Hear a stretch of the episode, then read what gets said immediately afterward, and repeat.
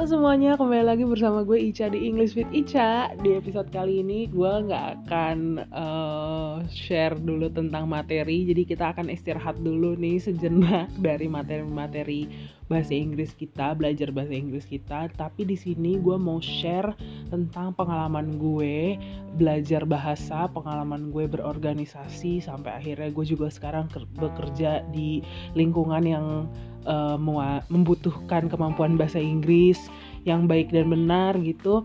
Uh, jadi gue akan cerita sih sebenarnya di sini. Jadi mungkin uh, di episode kali ini agak lama mungkin nanti ya. jadi nggak nggak cuma 10 menit mungkin nah jadi um, awalnya itu sebenarnya memang gue itu memang senang uh, berteman atau senang bersosialisasi dengan um, menggunakan bahasa Inggris sebenarnya dari awal tuh gue emang kayaknya gue memang punya ketertarikan di situ dari dari kecil gitu.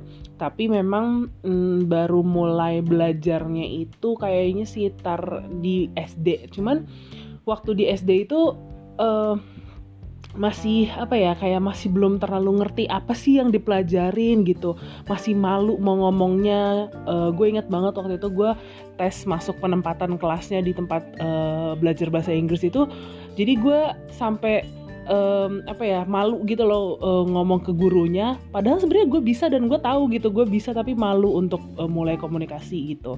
Nah uh, dan uh, pada saat itu gue ingat kalau gue tuh kan mulai belajar bahasa Inggris di tempat uh, sekolah bahasa Inggris itu kelas um, kalau nggak salah kelas 3 SD ya. Jadi tempat les gitu nggak salah tempat kelas 3 SD dan itu teman-temannya tuh bukan teman-teman yang seumuran SD tapi waktu gue masuk uh, waktu masih kelas 3 SD tuh masih awal-awal tuh masih masuk masih yang seumuran kelas yang SD juga gitu. Tapi pas udah naik level setahun setelahnya tuh teman-temannya tuh bukan seumuran SD lagi tapi kayak udah ada yang SMP ada yang SMA bahkan ada yang kuliah gitu. Sampai akhirnya pas gue uh, di tahun terakhir itu gue SMP uh, belajar di tempat les bahasa Inggris itu teman-temannya udah yang umuran-umuran udah ibu-ibu yang kerja atau bapak-bapak yang kerja. Jadi uh, pada saat itu gue ingat banget kalau gue gue merasa kok gue agak susah ya nangkep pelajaran bahasa Inggris um, pada saat itu gitu. Cuman waktu itu gue belum tahu uh, triknya dan kenapanya uh, kenapa gue bisa susah nerima materi dalam belajar bahasa Inggris gitu. Itu pada saat di tempat lesnya ya khusus untuk di tempat lesnya. Cuman pas ke uh, pas uh, misalnya di sekolah ada pelajaran bahasa Inggris itu gue udah lebih bisa dibanding yang lain mungkin karena gue udah dapat materi itu pas di uh, tempat les bahasa Inggris gitu. Nah yang bikin gue jadi lebih berani untuk ngomong sama orang atau ketemu sama orang itu karena gue suka berorganisasi. Jadi gue udah mulai um, ikutan organisasi itu sebenarnya dari SD SD cuman pas SD itu masih uh, organisasi internal yang uh, ekskul gitu masih ekskul gitu masih yang di internal sekolah. Itu gue SD udah ikutan.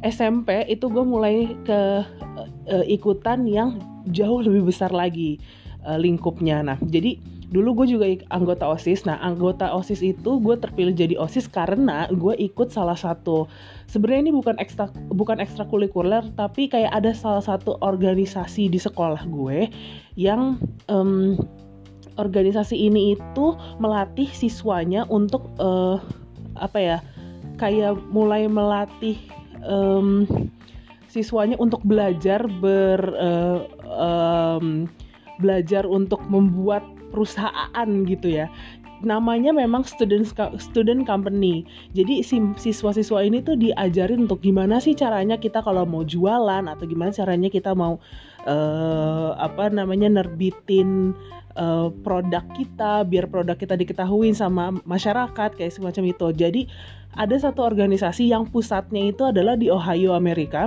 Setahu seingat gue pusatnya itu di Ohio yang di uh, uh, apa namanya dibimbing oleh organisasi namanya Junior Achievement Indonesia itu namanya uh, uh, nama organisasinya itu Student Company. Nah pada saat itu SMP gue itu terpilih jadi SMP pertama yang ada Student Company-nya di sekolahnya. Jadi um, yang lainnya tuh di seluruh Indonesia tuh ada ya. Sampai sekarang pun gue tahu kalau student company ini masih student company ini masih berjalan di seluruh Indonesia dan udah banyak banget sekolah-sekolah yang punya uh, student company ini gitu. Jadi pada saat itu um, gue masuk ke student company itu untuk dua periode jadi dua tahun gue ikutan di situ. Jadi kita belajar tuh yang namanya cara cara nerbitin saham tuh gimana? Terus kayak memulai suatu perusahaan tuh gimana? Terus kita nentuin kita mau mau belajar uh, mau jualan apa? Terus marketingnya gimana? Terus finance-nya gimana? HRD dan sebagainya itu semua ada di, di di student company itu. Dan si si anak-anak ini tuh di diminta untuk uh, melatih kemampuannya masing-masing di bidangnya masing-masing itu untuk bisa gitu. Dan uniknya student company adalah kita itu juga uh, melakukan trading atau jual jual beli dengan student company yang ada di luar negeri gitu. Waktu itu gue inget banget gue ya, student company gue itu trading ekspor import ke student company yang ada di Ohio. Ekspor importnya tuh nggak yang ribet gitu. Jadi gue inget banget gue tuh jualan uh, permen kopi dan itu uh, permen kopi pada saat itu berapa sih harganya? Satu bungkus itu isinya ada banyak banget kan? Dan gue jual 5 pieces 5 5 5 apa namanya? 5 5 5 pieces permen kopi itu dimasukin ke dalam satu plastik isinya 5 itu harganya satu dolar. Dan itu kita kita jual ke uh, student company yang ada di Amerika gitu. Dan itu seru banget. Nah dari situ mulailah gue sama teman-teman gue ini yang ada di uh, organisasi yang sama kita mulai teleconference kita mulai video waktu itu belum ada tele belum ada video conference sih waktu itu masih teleconference sama yang ada di Ohio. Jadi dan pembinanya ini tuh uh, ada yang ada yang uh, native speaker, ada yang orang bule, ada yang memang orang Indonesia tapi karena uh, pusatnya itu di Amerika, jadi kita semua tuh yang dipilih untuk di organisasi ini tuh memang 90% semuanya uh, bisa dan lancar berbahasa Inggris pada saat itu. Nah, dari situ tuh gue dari situ gue udah mulai wah mulai ter uh, apa termotivasi nih untuk lebih bisa lagi untuk belajar bahasa Inggrisnya pada saat itu. Nah, sampai akhirnya lulus SMP um, uh, eh, SMP kelas 2 tuh gue udah nggak uh, udah nggak lanjut lagi uh, kursus bahasa Inggrisnya karena gue udah di udah di level yang paling akhir dan gue nggak udah udah lulus lah istilahnya gitu udah di level yang paling terakhir gitu udah selesai. Nah uh, SMP selesai SM, uh, masuk ke SMA di SMA itu gue nggak um, gue ikut osis juga tapi jarang. Pada saat itu gue inget di SMA itu gue belum ikut yang uh, apa namanya kayak organisasi yang keluar gitu yang di luar sekolah dan nggak terlalu yang aktif gitu karena gue inget pada saat SMA itu pada saat itu fokusnya adalah untuk lulus SMA dulu gitu. Tapi yang gue inget adalah pada untuk belajar bahasa Inggrisnya, gue baru tahu um, kunci belajar dan maksud dari apa yang gue pelajarin dulu pas SD itu pas SMA gitu. Jadi gue inget banget ada beberapa materi yang kok kayaknya gue pernah pelajarin ini di SMA dan gue baru ngerti pas SMA gitu. Oh pantesan gue tuh di situ kayak yang mikir oh pantesan dulu waktu gue SD pas di tempat kursus gue nggak ngerti kok teman-teman gue tuh ngerti semua gitu kan yang SMP yang SMA gitu kok udah pada ngerti kok gue nggak ngerti-ngerti karena gue inget banget dulu rapot gue tuh isinya C plus C gitu-gitu. Terus sementara yang lain tuh ada yang B gitu kan. Ternyata memang ya mungkin karena mereka juga udah pernah belajar di sekolahnya gitu kan.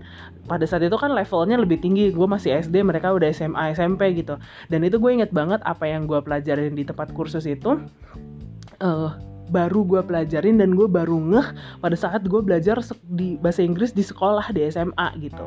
Nah terus uh, di situ gue belum terlalu uh, apa namanya aktif di luar sekolah ya organisasi di luar sekolah. Tapi gue inget kalau pada saat itu uh, pas SMA itu banyak banget kayak semacam uh, kalau sekarang kan zamannya udah aplikasi ya. Kalau dulu tuh masih web jadi gue ingat ada salah satu web yang uh, apa namanya uh, kayak banyak untuk temen dari luar negeri gitu untuk kita sama-sama saling belajar gitu. Dan dulu tuh masih belum ada yang uh, dalam tanda kutip uh, bandel gitu ya di web itu. Jadi bener-bener kita ketemu sama orang luar kita belajar bahasanya dan sebagainya gitu. Dan gue inget banget pada saat gue SMA itu pertama kalinya gue main Facebook. Dulu pas SMP kan masih Friendster, MySpace gitu. Nah setiap gue main Facebook, Friendster atau MySpace atau apa pun itu gue selalu pakai uh, apa namanya uh, bahasanya gitu pilihan bahasanya itu selalu dalam bahasa Inggris. Jadi supaya terbiasa supaya terbiasa dan supaya familiar dan supaya tahu artinya tuh belajar gitu. Itu artinya apa?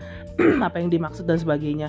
Di handphone juga gue selalu setnya itu pakai bahasa Inggris bukan pakai bahasa Indonesia. Dan jadi mungkin dimulai dari hal-hal yang kecil kayak gitu kali ya supaya kita terbiasa dulu untuk melihat dan baca uh, dan melatih bahasa Inggrisnya dari yang kayak vocabulary dan sebagainya kayak gitu. Nah pas SM uh, eh, SMA tuh kan uh, kayak gitu uh, udah gitu ya belajarnya tuh yang kayak ya dari internet gitu-gitu.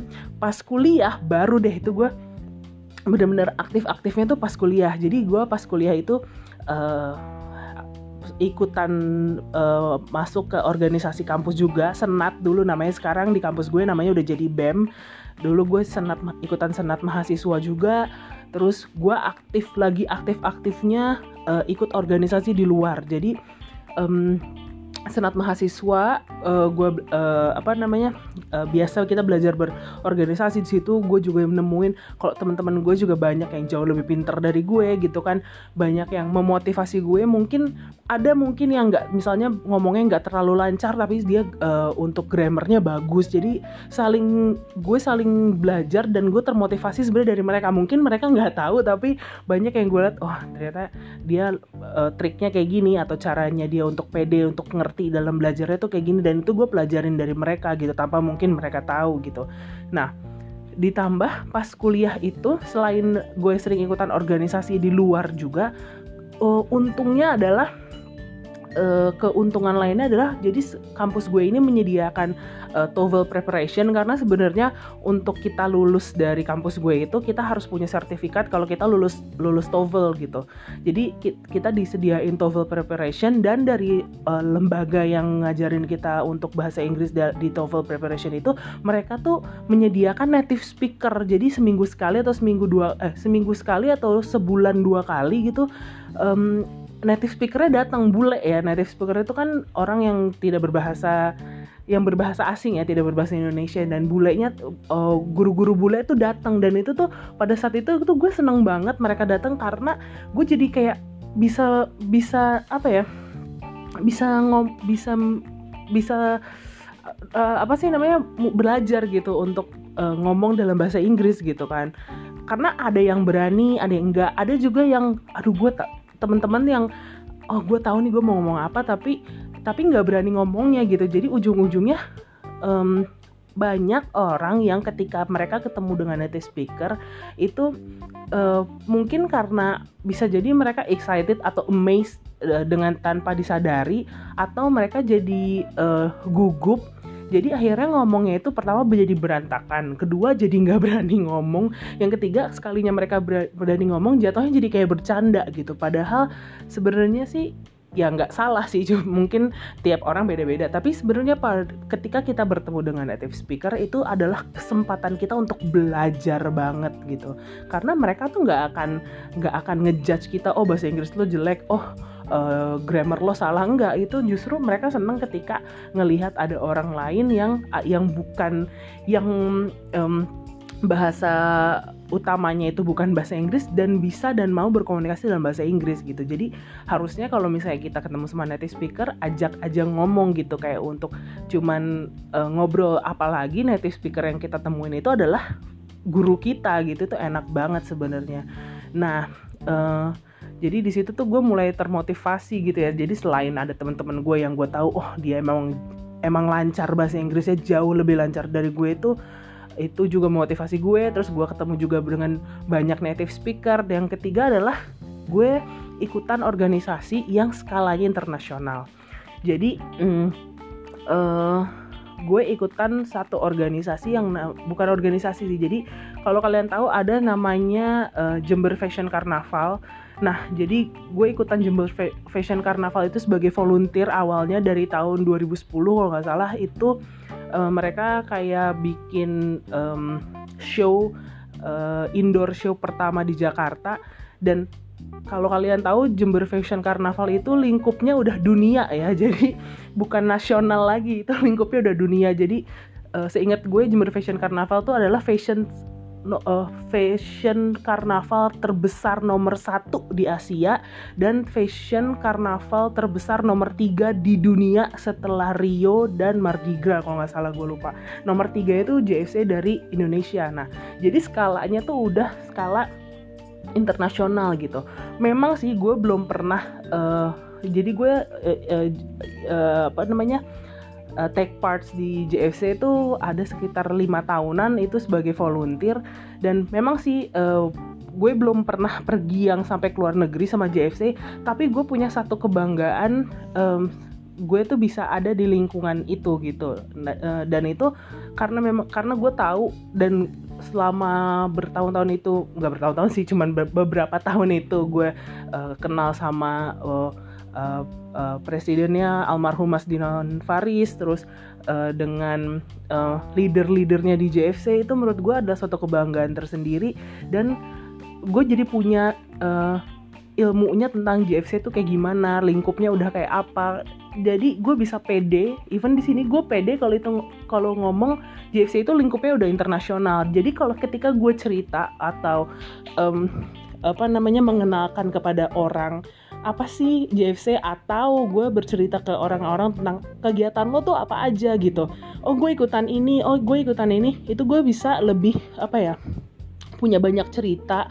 Dalam bahasa Inggris gue jadi punya banyak vocabulary-nya gitu. Jadi um, vocab gue banyak. Terus uh, uh, apa namanya um, topik-topik yang mau diceritainnya tuh banyak gitu Nah, dan orang tuh pasti tahu dengan topik yang kita ceritain karena lingkupnya itu udah dunia gitu. Jadi, kalau misalnya kita ngomong sama orang bule, terus kita ceritain yang sesuatu yang lingkupnya juga internasional, mereka nggak akan juga terlalu kesulitan untuk mengenal uh, apa meng, um, untuk uh, cari apa ya maksudnya untuk ngeh kita tuh lagi ngomongin apa.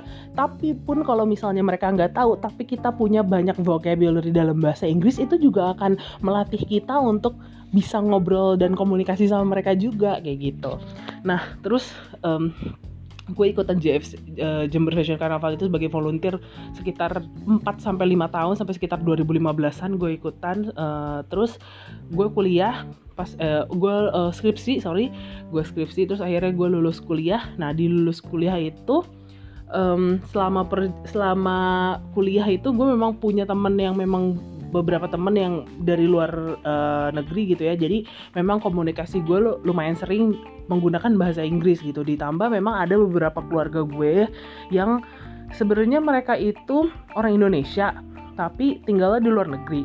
Atau mereka itu nyokapnya orang Indonesia. Jadi sepupu gue nyokapnya orang Indonesia bokapnya orang Australia. Jadi anak-anaknya sepupu gue ini tuh nggak terlalu lancar bahasa Indonesia-nya. Dia pun masih bisa bahasa Indonesia tapi lebih nyaman pakai bahasa Inggris gitu. Jadi ya gue harus komunikasi sama mereka pakai bahasa Inggris gitu. Itu juga yang memudahkan gue kenapa gue lah um, terbiasa pakai bahasa Inggris sebenarnya. Karena emang di lingkungan gue ada beberapa yang pakai bahasa Inggris gitu.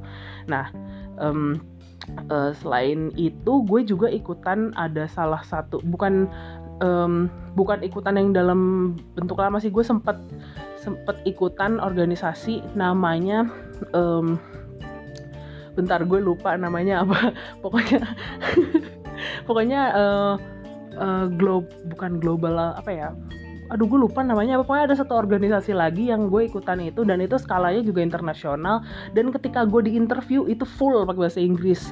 Di interview full pakai bahasa Inggris dan di situ uh, kebetulan gue punya ide baru. Jadi si organisasi ini tuh tentang uh, organisasi uh, non non profit org, uh, organization yang non government organization yang dia tuh fokusnya kayak uh, edukasi tentang topik global issues gitu. Kayak misalnya edu education terus misalnya ada woman empower uh, woman, women empowerment terus misalnya ada lagi uh, uh, kebersihan dunia dan sebagainya. Dan kebetulan di situ gue punya satu topik baru yang kenapa kita nggak ngangkat ini gitu. Di, jadi di, pada saat itu gue tuh ketika gue di interview pakai bahasa Inggris gue tuh tahu gue mau ngomong apa karena uh, dari rumah gue memang sudah mempersiapkan akan ngomong apa gitu kan. Mungkin ini bisa jadi tips and tricks juga ketika kalian interview dalam bahasa Inggris siapin dari rumah yang memang kalian tahu mau ngomong apa gitu at least kalian pasti udah tahu kan kalau cara untuk mengenalkan diri sendiri itu kan nggak perlu dipelajarin yang sampai gimana gimana ya itu pasti kalian latih terus ngomong terus ngomong direkam didengerin pronunciationnya bener apa enggak kira-kira uh, menggunakan grammarnya bener apa enggak di, didengerin terus dilatih terus sampai akhirnya itu lancar pas kalian interview gitu. Nah kebetulan uh, gue tuh tahu gue mau ngomong apa mau ngebahas topik apa di interview itu. Jadi uh, ya gue lancar di interview pakai bahasa Inggrisnya. Uh, pada saat itu gue sempat kalau nggak salah sempat uh, lolos ke apa sih namanya kayak semacam ke acara yang kita kayak semacam outing keluar kota gitu. Tapi pada saat itu gue nggak bisa ikut karena itu tahun 2012an kalau nggak salah. Pada saat itu gue ada acara senat yang nggak bisa gue yang nggak bisa gue cancel kalau nggak salah tuh gitu. Jadi gue mau nggak mau ya karena gue memang sudah jadi anggota senat jadi gue milih sen, uh, acara di senat itu gitu. Tapi gue inget banget si si organisasi ini tuh ada di seluruh dunia dan perwakilan seluruh dunia tuh ada yang di uh, apa namanya yang diundang untuk yang bisa apply dan diundang untuk global summit di Qatar, global summit di di negara-negara berbeda kayak gitu dan itu seru banget gitu makanya gue tuh seneng dapet temen yang ketemu lagi orang-orang yang lebih jauh lebih jago bahasa Inggrisnya, grammarnya lebih jago, ngomongnya lebih lancar, vocabulary-nya banyak, bagus, pronunciation-nya lebih bagus. Itu di situ tuh pada saat itu pada saat kuliah tuh bener-bener kalau kita ikut organisasi kita bakal ketemu sama banyak orang dan bakal ketemu sama orang-orang yang jauh le uh, lebih pinter, jauh lebih jago dari kita. Jadi kita termotivasi untuk jadi lebih baik gitu. Terus yang ketiga gue gue apply uh, namanya uh, International Student Festival in Trondheim, Norway.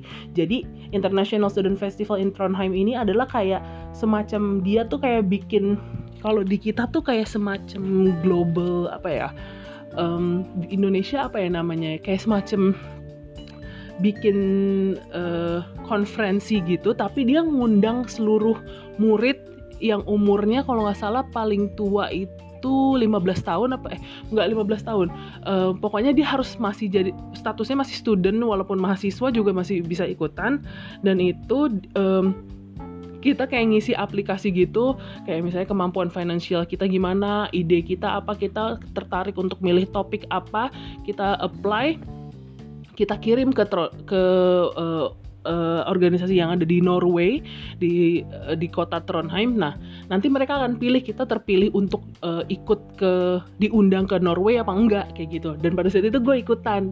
Uh, gue pada saat itu memang tidak berhasil untuk ke Norway-nya, tapi gue berhasil untuk jadi uh, international ambassador untuk kampus gue dan untuk kampus-kampus yang ada di Jakarta gitu, terutama di kampus gue. Jadi gue tuh mm, kirim kirim aplikasi dan kirim surat ke organisasi yang ada di Norway. Gue ketik kalau gue pengen ikutan kenapa gue pengen ikutan gitu kan um, dan apa topik yang gue peng apa yang uh, yang gue suka apa yang gue pengen kenapa gue pilih topik itu gue bilang kayak gitu. Uh, dan itu pas gue kirim gue sebenarnya lupa gitu kalau gue ngirim itu gitu. Tapi sekitar berapa bulan setelahnya gue dapet uh, surat dari Norway yang isinya uh, walaupun gue nggak berhasil untuk uh, istilahnya berangkat ke Norway tapi gue dipilih sama mereka sebagai international ambassador untuk Indonesia salah satunya gitu kan. Dari um, dari yang dipilih sama organisasi di sana. Dari situ ya udah gue uh, uh, kayak semacam publikasi tentang acara yang acara yang di Norway supaya orang-orang tuh ikutan juga untuk apply untuk kirim siapa tahu mereka berhasil untuk berangkat ke Norway gitu. Jadi eh, orang-orang juga lebih aware sama global issues dan sebagainya gitu. Jadi di situ gue juga melatih um, kemampuan untuk tulis uh, surat menyurat uh, untuk dalam bahasa Inggris terus juga mengutarakan pendapat dalam bahasa Inggris dengan grammar yang benar ya karena itu dikirim untuk uh, apa sih namanya dalam tanda kutip untuk dipilih ya kompetisi kayak gitu. Nah terus itu uh, salah satunya juga gitu ya nah pas gue udah mau mulai-mulai kuliah uh, lulus kuliah nih gue ikutan um, eh gue lupa sih ini setelah gue setelah gue lulus apa enggak tapi gue ikutan um, volun bukan volunteer jadi untuk jadi license officer untuk acaranya Sky Team Garuda karena Garuda Indonesia pada saat itu mau join ke Sky Team dan uh, acaranya tuh ada di Bali dan dipilih gitu uh, untuk jadi LO-nya untuk maskapai-maskapai lain yang ter tergabung juga dalam Sky Team gitu. Nah, ini tuh gue di mo di momen ini tuh gue bener-bener belajar yang ketemu sama orang yang dua, tiga, empat, lima kali bahasa Inggrisnya jauh lebih jago dibanding gue yang pengalamannya lebih banyak, yang pengalaman organisasi internasionalnya lebih banyak, itu gue ketemunya di sini sebenarnya. Walaupun gue ketemu sama mereka-mereka ini cuma dua tiga kali, dua kali kalau nggak salah nyampe tiga kali, tapi di situ gue belajar banyak banget kayak gimana caranya interview uh, yang uh, bener-bener interview yang bener-bener formal pakai bahasa Inggris terus um, ngutarain pendapat kita gimana nggak deg-degan gitu-gitu kan. Nah itu di, di momen itu sebenarnya. Gue ketemu sama temen gue ada salah satunya namanya Naila Afisa kalau dia mendengarkan ini gue sangat terinspirasi dan termotivasi karena dia karena dia pronunciationnya bagus banget. Dia pronunciation bahasa Inggrisnya bagus banget dan menurut gue setelah uh, dia suka share gitu di Instagram media kalau dia ikutan uh, or, um, dulu sempat ikutan acara-acara yang juga sifatnya internasional dan sempat kayaknya sempat dikirim ke New Zealand kalau nggak salah gue lihat di Instagramnya tapi gue nggak tahu untuk apa. Dan gue tuh bener-bener suka banget sama uh, komunikasi bahasa Inggrisnya dia itu bagus banget dan tuh gue termotivasi da, uh, untuk jadi lebih baik karena dia juga gitu walaupun pada saat itu gue gagal untuk lanjut ke tahap yang selanjutnya uh, apa lebih tinggi gitu ya. Tapi menurut gue gue udah bersyukur banget ketemu juga sama temen-temen yang pengalamannya jauh lebih banyak uh, level skill bahasa Inggrisnya lebih bagus. Di situ kita termo gue termotivasi terutama uh, untuk jadi lebih baik lagi untuk meningkatkan kemampuan gue lagi gitu. Jadi penting banget menurut gue untuk kita memperluas uh, koneksi kita supaya kita jauh lebih baik lagi supaya kita tahu banyak orang yang jauh lebih pinter dan jauh lebih uh, lebih jago gitu loh dibanding kita gitu. Dan jadikan itu sebagai sesuatu yang memotivasi kita gitu. Jangan dijadi jadi malah down gitu. Karena ngelihat um, pengalaman-pengalaman mereka yang mungkin uh, bisa pergi ke luar negeri atau bisa um, punya link yang orang uh, ketemu dengan orang-orang penting itu salah satunya karena kita punya kemampuan yang uh, sangat baik gitu. Kemampuan berkomunikasi yang sangat baik gitu ya dalam bahasa apa pun. Apalagi kalau kita bisa bahasa asing itu jadi nilai plus banget buat diri kita sendiri gitu. Nah kenapa gue bisa bilang kayak itu? Karena itu terjadi sama gue. Jadi pada saat gue kerja um, waktu itu gue lulus kuliah belum lulus sebenarnya. Eh apa udah lulus ya? Oh udah lulus. Tapi um, apa namanya gue masih sering ke kampus karena gue inget gue dapat um, interview untuk kerja di salah satu bank asing di Jakarta itu gue dapet teleponnya di kampus gue di interview by phone dan kita harus ngomong pakai bahasa Inggris by phone. Dan di situ pada saat itu gue udah Iya memang sudah lancar karena gue cuman memper, memperkenalkan diri gue sendiri. Jadi istilahnya gue udah castis cus di situ.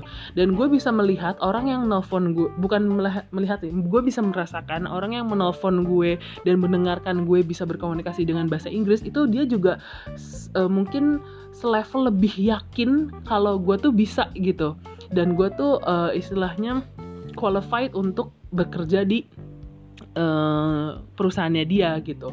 Walaupun pada saat itu gue menyadari sih kalau bekerja di bank itu bukan passion gue, walaupun gue sekolahnya di sekolah perbankan. Jadi ya udah gitu kan. Cuman untuk dari um, komunikasi dalam bahasa Inggrisnya sebenarnya untuk tahap yang seperti itu tuh kalau kita bisa kalau kita um, lancar dan kalau kita mengerti apalagi kita bisa berkomunikasi dengan bahasa Inggris dengan baik dan benar dan um, dengan apa ya um, ya dengan baik dan benar itu akan kasih nilai plus ke diri kita. Jadi orang tuh akan note ke note uh, kasih note buat kita kalau oh nih orang bisa oh nih orang lancar oh nih orang lebih baik dibanding kandidat yang lainnya kayak gitu. Nah setelah gue uh, uh, apa namanya tidak melanjutkan tidak melanjutkan bekerja di bank uh, eh, gue dapat kesempatan bekerja di tempat uh, beberapa tempat juga.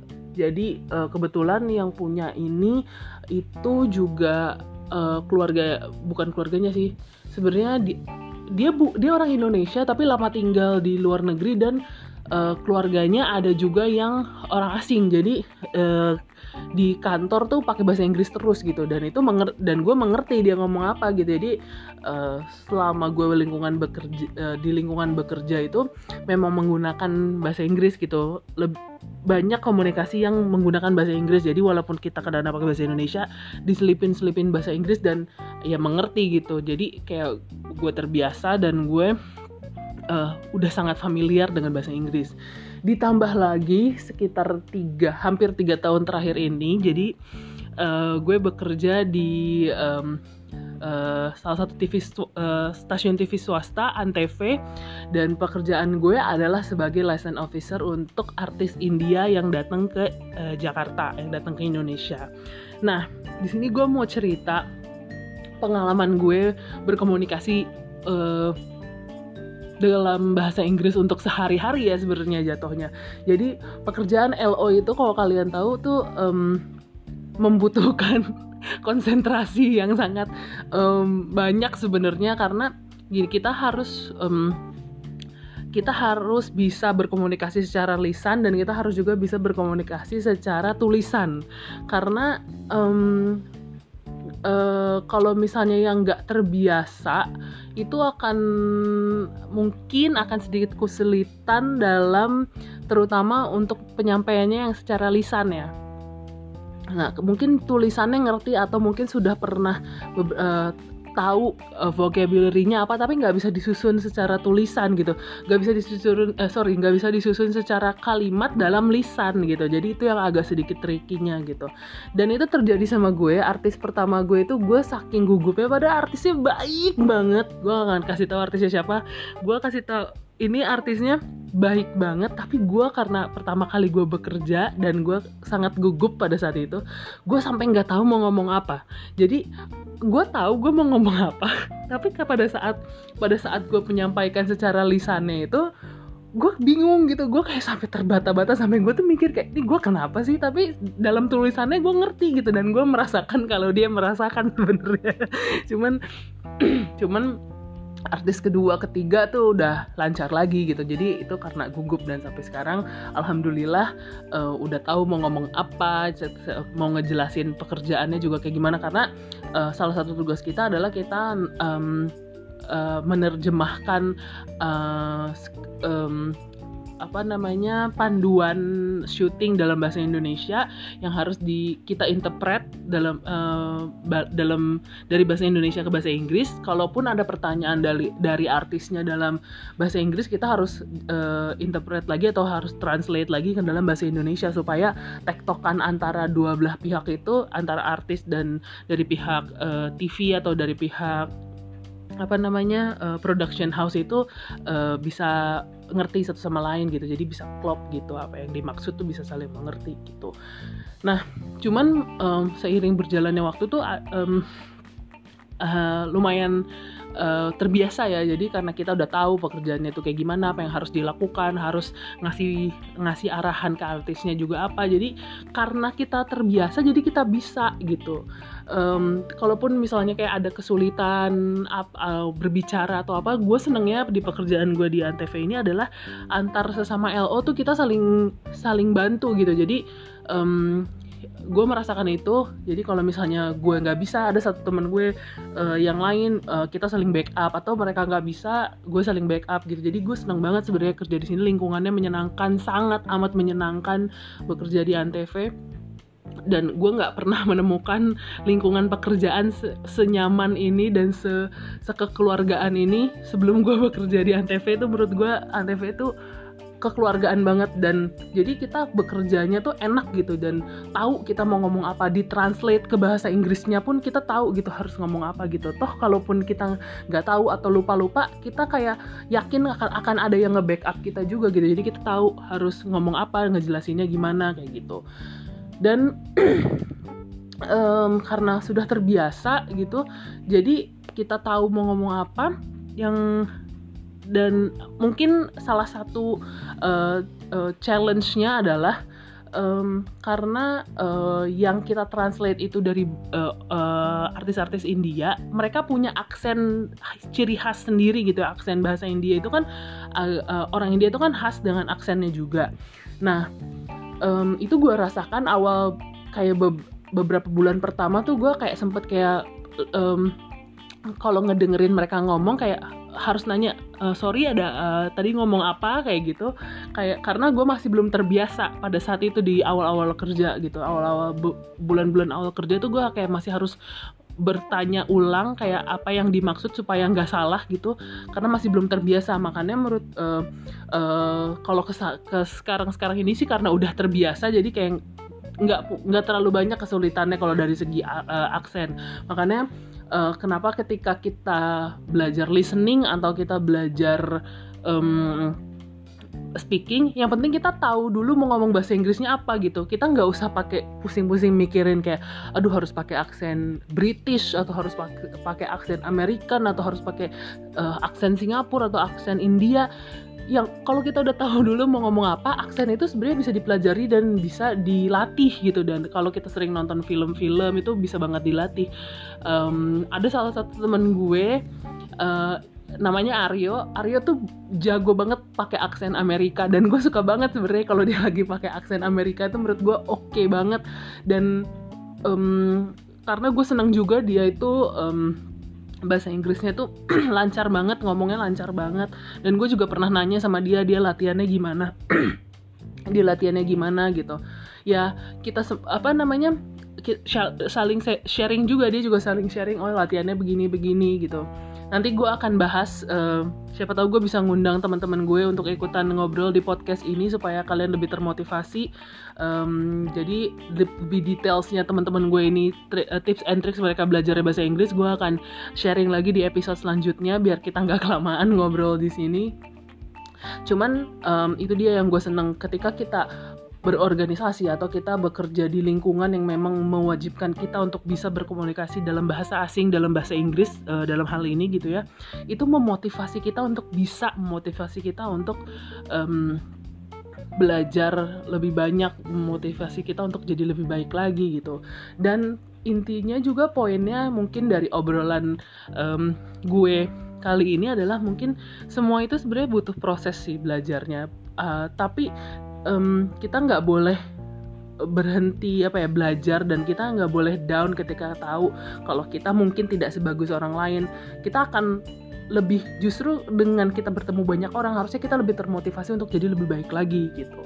Dan bertemu banyak orang itu bener-bener menurut gue itu memang akan memotivasi kita untuk jadi lebih baik lagi di di nggak usah di dunia ini di Jakarta tuh sebenarnya banyak banget orang pinter banyak banget orang hebat yang bahasa Inggrisnya tuh jago banget dan dengan um, apa namanya pronunciationnya yang sangat-sangat bagus apalagi kalau misalnya kita udah belajar sedikit lebih jauh lagi kita belajar gimana caranya how to sound like a native speaker yang itu membutuhkan penekanan-penekanan pengucapan di uh, dalam kata-kata uh, di setiap kata malah ya kayak gitu jadi semua itu butuh proses tapi pasti ada progres dari proses itu jangan berhenti belajar jangan berhenti berusaha itu semua pasti ada akan masanya uh, kita nanti suatu saat nanti bisa karena kita terbiasa gitu.